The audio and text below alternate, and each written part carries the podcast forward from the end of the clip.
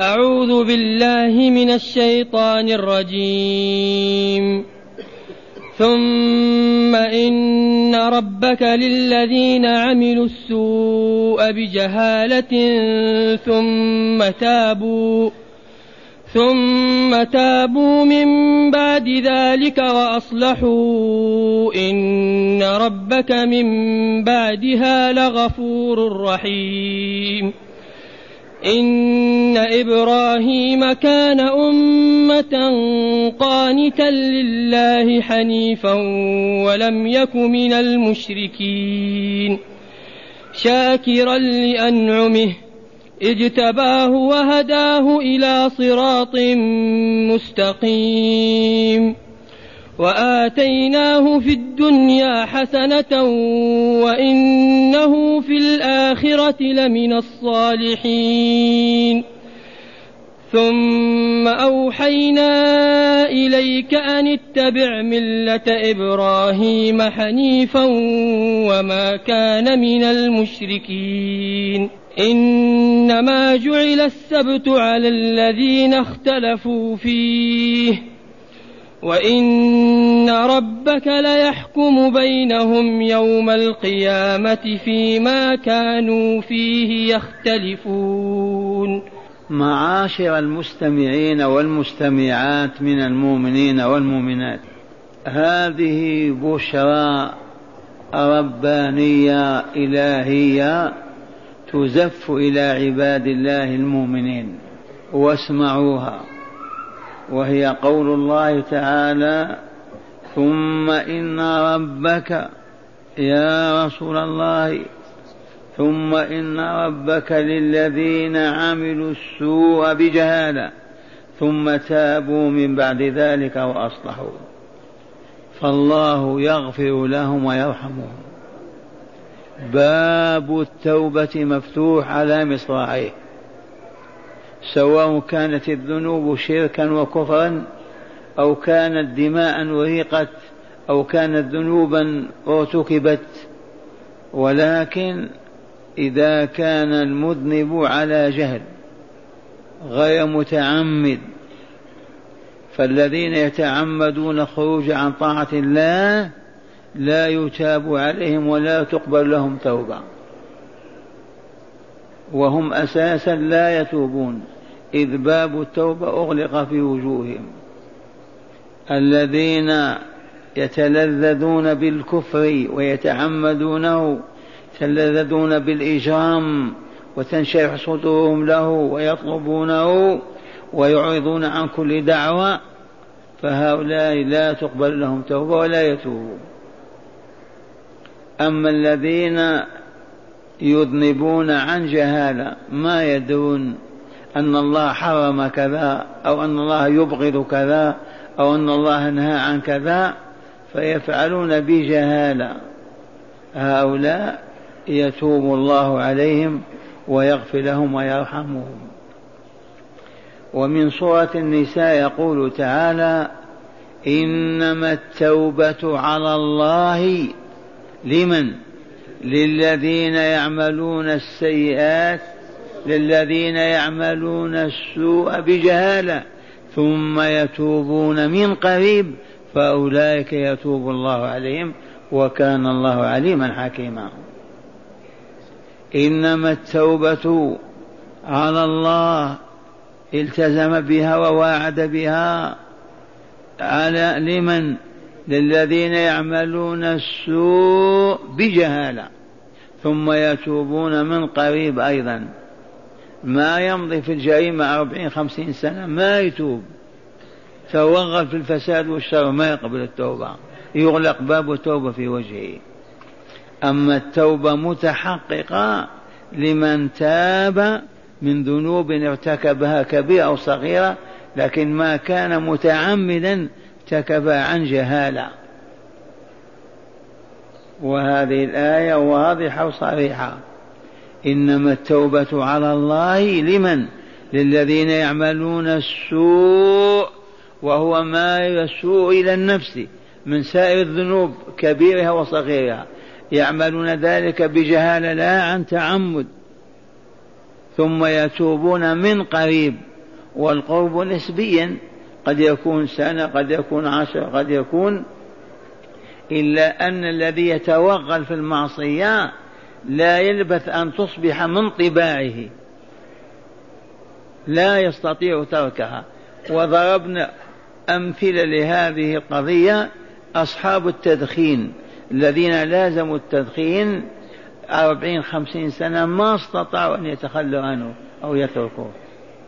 فالذي يلازم الكذب أو الخيانة أو السرقة عام بعد عام بعد عام بعد عام تصبح طبعا من طباعه ما يقوى على تركها.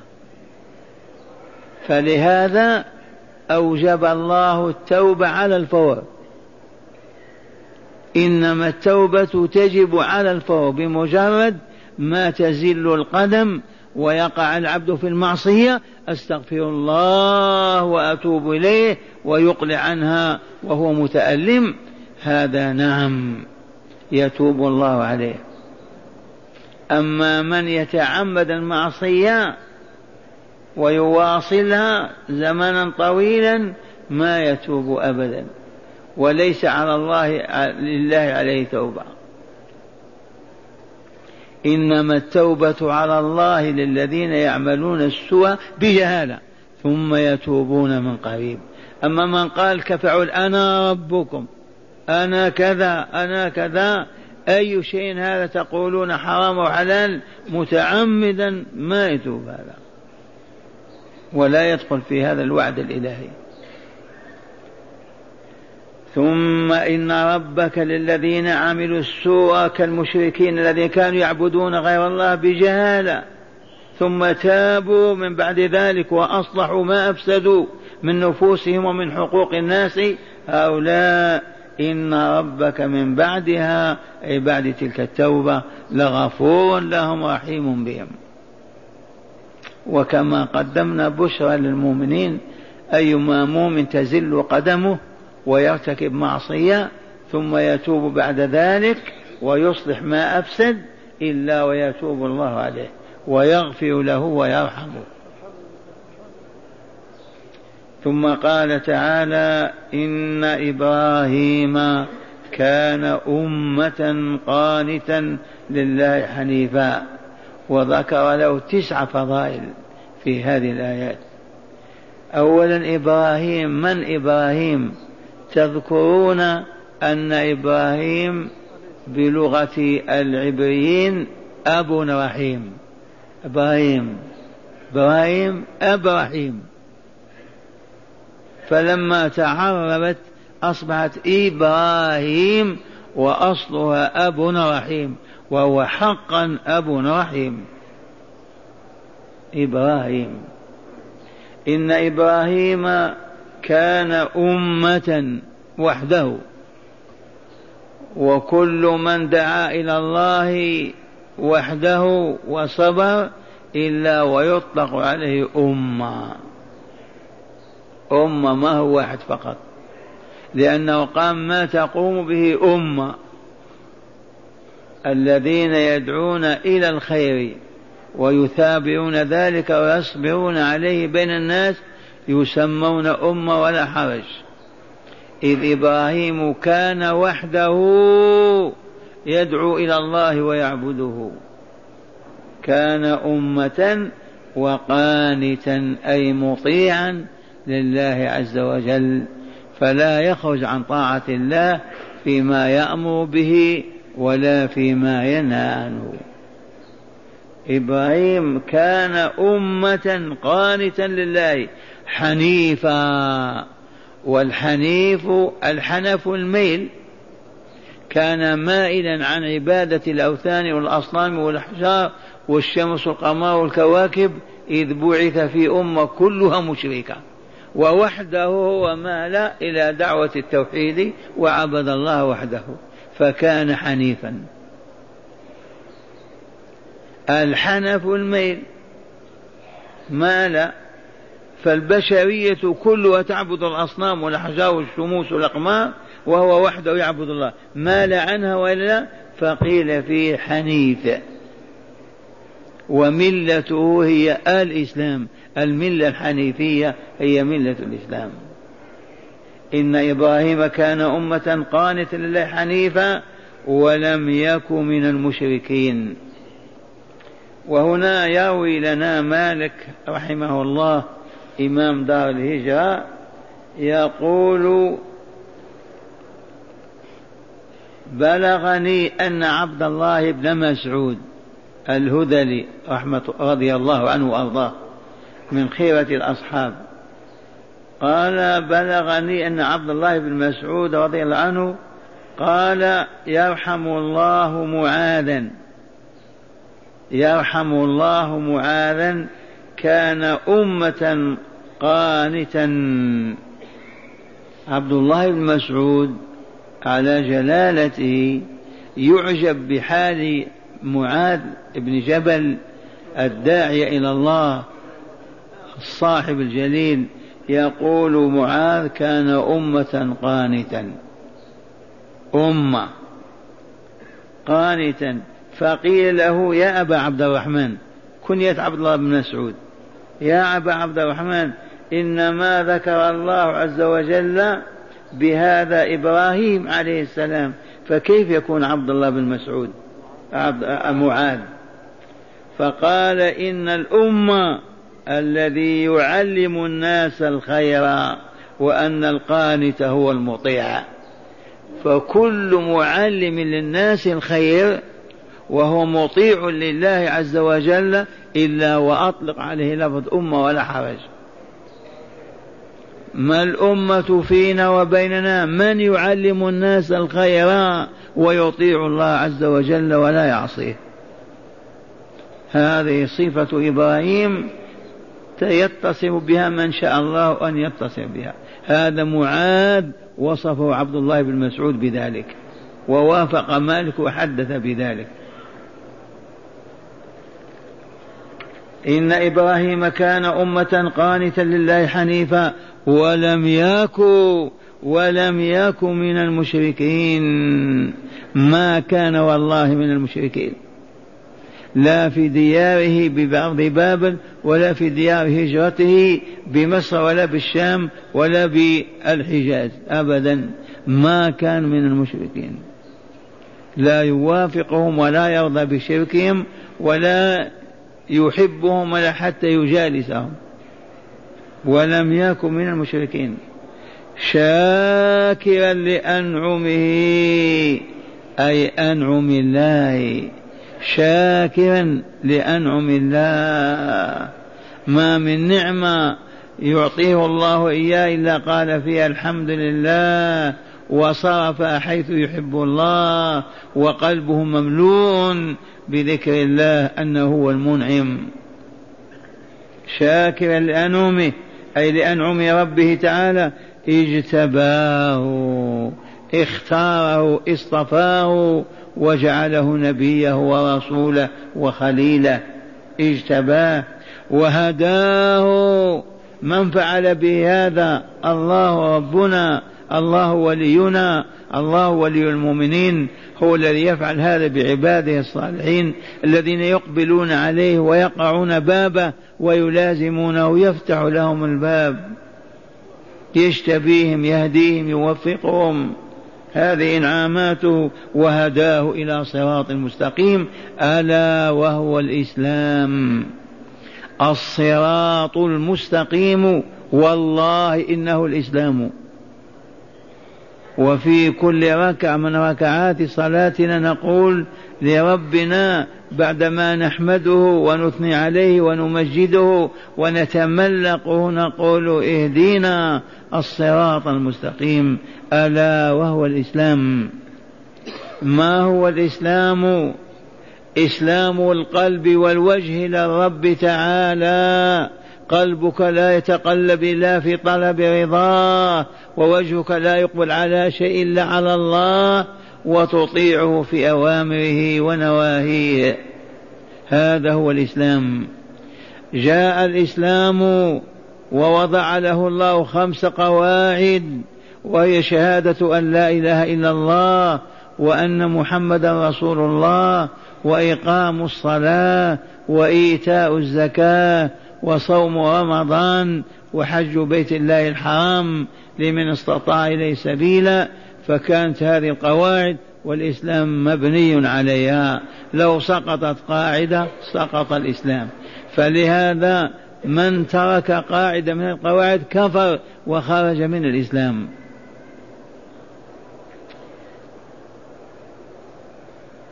قال تعالى وآتيناه أعطيناه في الدنيا حسنة ما حسنة الدنيا كثيرة منها الذرية الصالحة.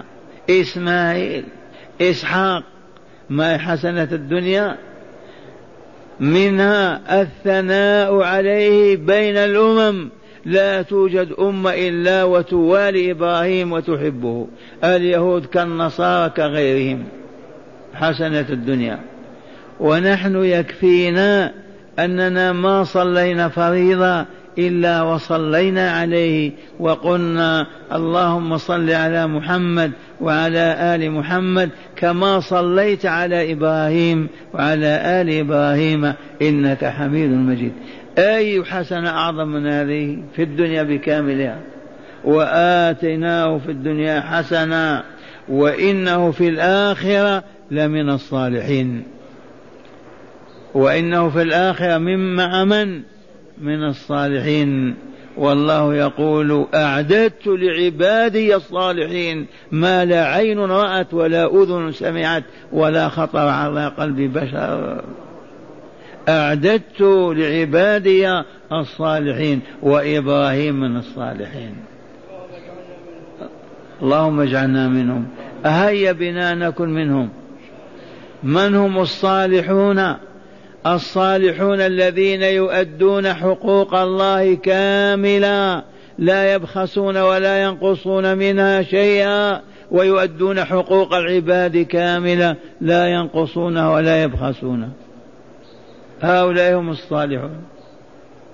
الذي يؤدي ما أوجب الله عليه كاملا فعلا وتركا ويؤدي حقوق العباد أيضا لا يظلم ولا يقصر ينقص ولا كذا سميه عبدا صالحا. والله إنه لمن الصالحين.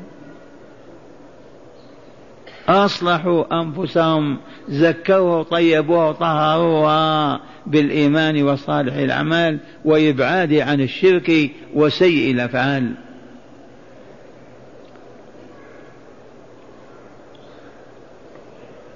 ثم قال تعالى ثم أوحينا إليك يا رسولنا. من هو هذا الرسول؟ محمد صلى الله عليه وسلم. أين هو الآن؟ هذا قبره الشريف في حجرته الطاهرة ملاصق لمسجده العظيم. لا يوجد على الأرض قبر نبي أو رسول تجزم وتقول بالله لهذا هو إلا قبر محمد صلى الله عليه وسلم. فقط. ثم أوحينا إليك ماذا أوحى إليه؟ بماذا؟ أن اتبع ملة إبراهيم حنيفا. وهذه فضيلة أخرى. إبراهيم على جلالته. أليس الخليل إبراهيم؟ ومع هذا أمر الله رسوله مصطفى أفضل الأنبياء وسيدهم أن يتبع ملة إبراهيم. ولا حرج أن يفعل الفضول ما عند الفاضل. أو الأفضل يفعل ما عند الفاضل. وفي هذه رمز أو إشارة إلى أن نبينا أفضل من إبراهيم. وهذا وإن لم تدل عليه الآية فهو مجمع عليه. من سيد الأنبياء؟ جمعهم الله تعالى له في بيت المقدس وصلى بهم إماما فكان إمامهم. ثم أوحينا إليك يا رسولنا بماذا؟ أن اتبع ملة إبراهيم حنيفة. ألا وهي التوحيد. اعبد الله وحده ولا تشرك بعبادته سواه. لا في دعاء ولا في استغاثة ولا نداء ولا ذبح ولا قربان ولا أي عبادة. وحد الله وحده. يعبد الله وحده. وهنا من إخواننا الجاهلين من يحلفون بغير الله وحق سيدي فلان والملح الذي بيننا والرحم التي كذا وهذا كله شرك في عبادة الله عز وجل. لأن الحلف بالشيء تعظيم له فوق المستوى. ما يحلف بالشيء إلا إذا عظمه ورفع إلى مستوى الألوهية. من الأعظم أليس الله؟ الله أكبر فكيف ترفع مخلوق إلى منصب الله وتحلف به؟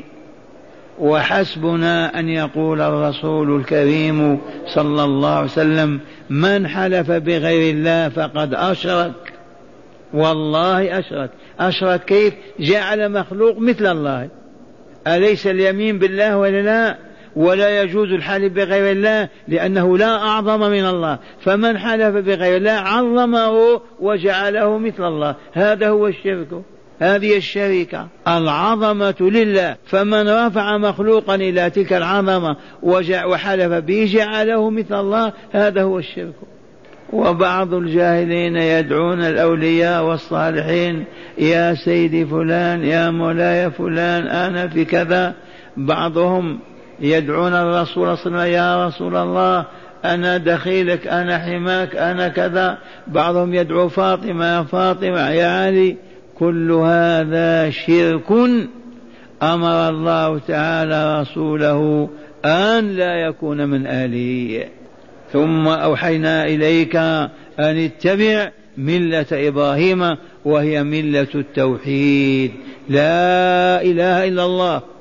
ومن كان منكم يجري على لسانه الحلف بغير الله بدون قصد لما يخرج من لسانه كذا يقول لا إله إلا الله تمحوها. بمجرد ما يغلط يقول هو حق سيدي فلان يقول لا إله إلا الله والله لتمحوها علمنا هذا رسول الله صلى الله عليه وسلم.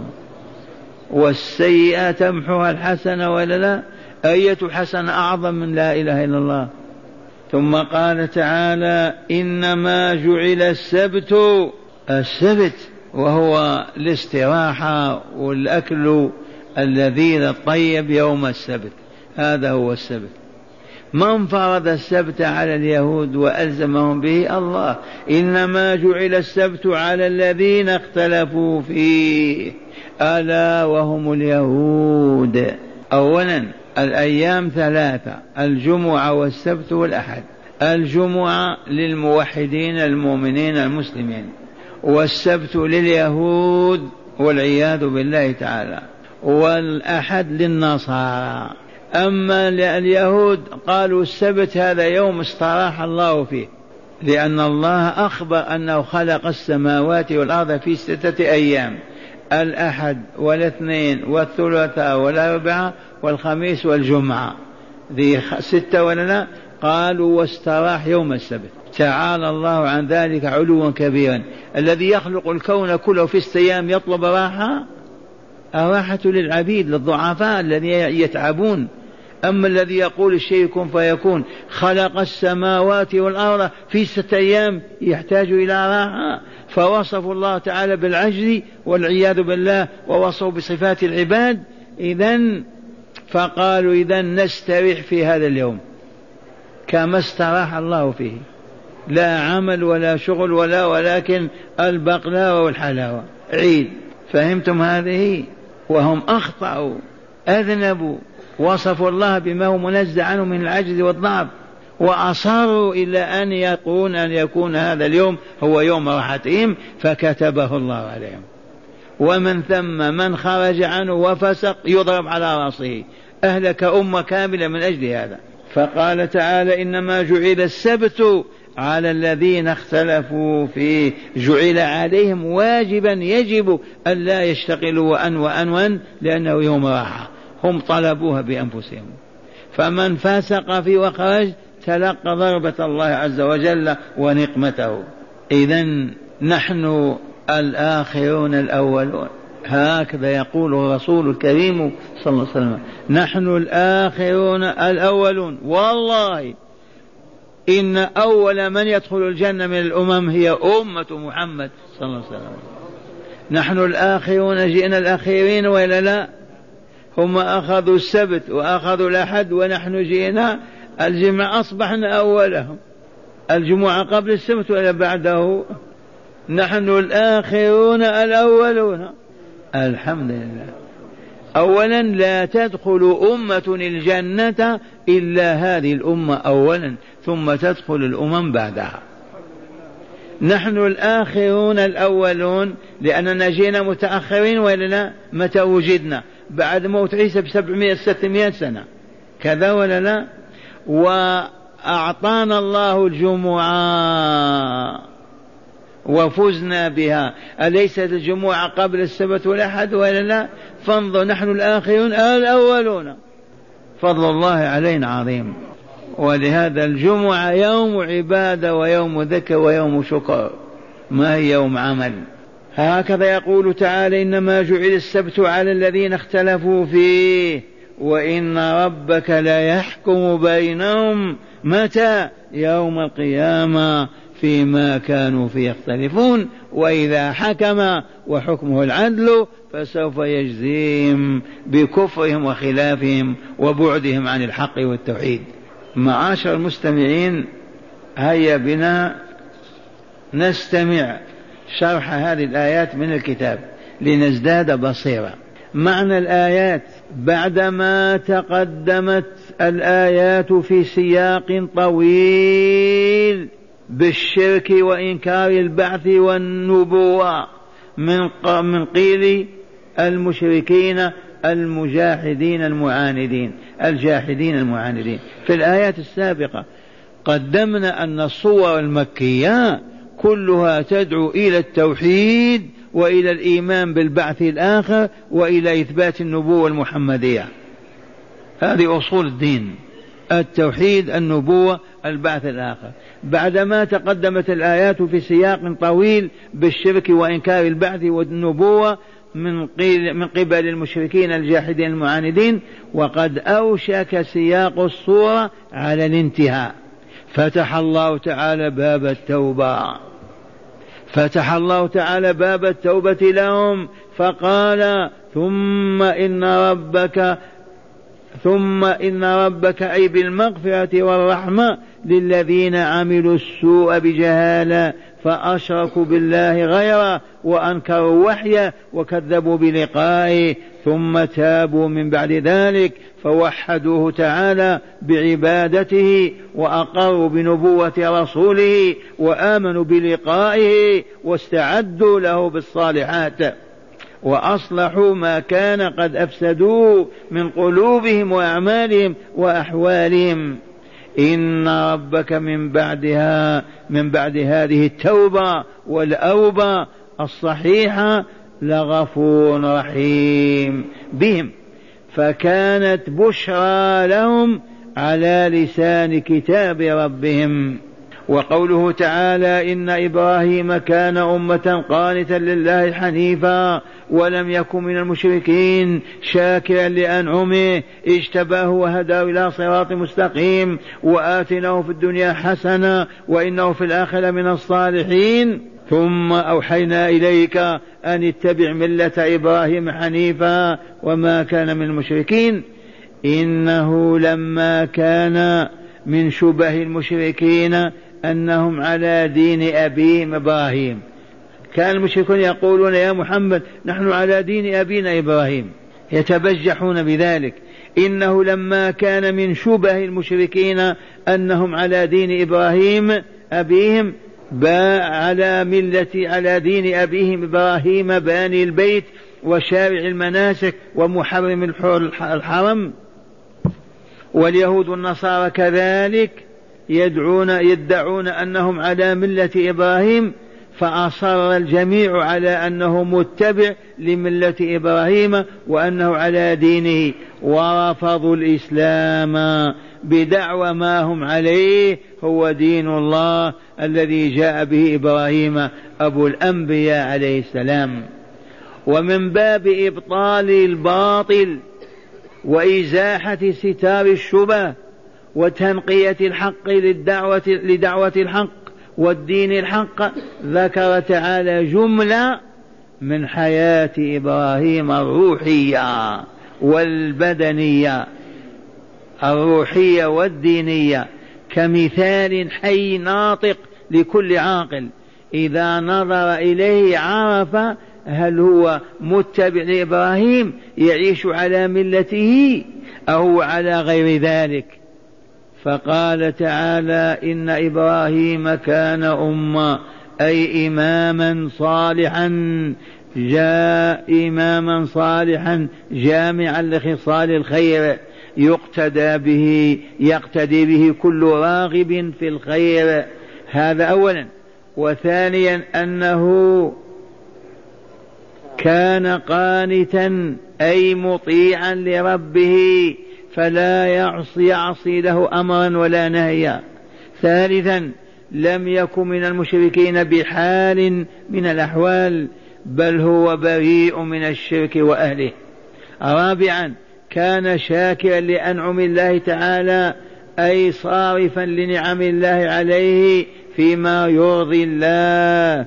خامسا اجتباه ربه أي اصطفاه لرسالته وخلته لأنه أحب الله لأنه أحب الله أكثر من كل شيء فتخلل حب الله قلبه فلم يبق لغيره في قلبه مكان فخاله الله أي باد له خلة بخلة فالخلة بمعنى الحب والمحبة. باد له خلة بخلة فكان خليل الرحمن سادسا وهداه إلى صراط مستقيم الذي هو الإسلام. دينكم أيها المستمعون والمستمعات فاحمدوا الله على ذلك.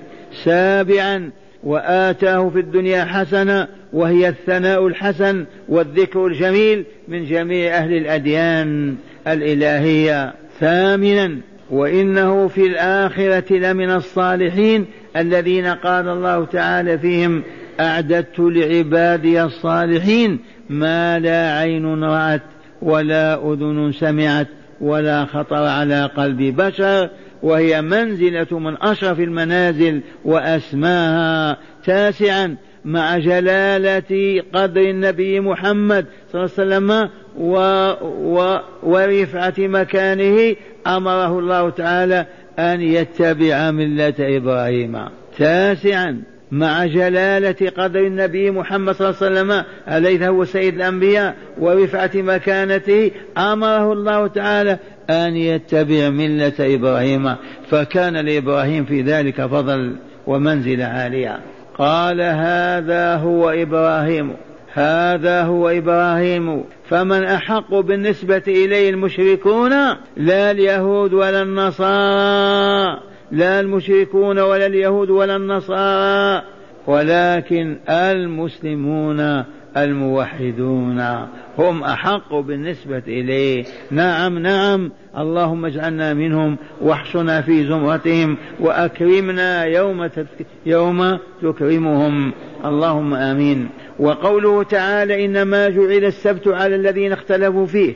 فيه دليل على بطلان دعوى اليهود أنهم على ملة إبراهيم ودينه العظيم. إذ تعظيم السبت لم يكن من دين إبراهيم وإنما سببه أن الله تعالى أوحى إلى أحد أنبيائهم أن أن يأمر بني إسرائيل بتعظيم الجمعة فاختلفوا في ذلك وآثروا السبت عنادا ومكابرة فكتب الله تعظيم السبت عليهم.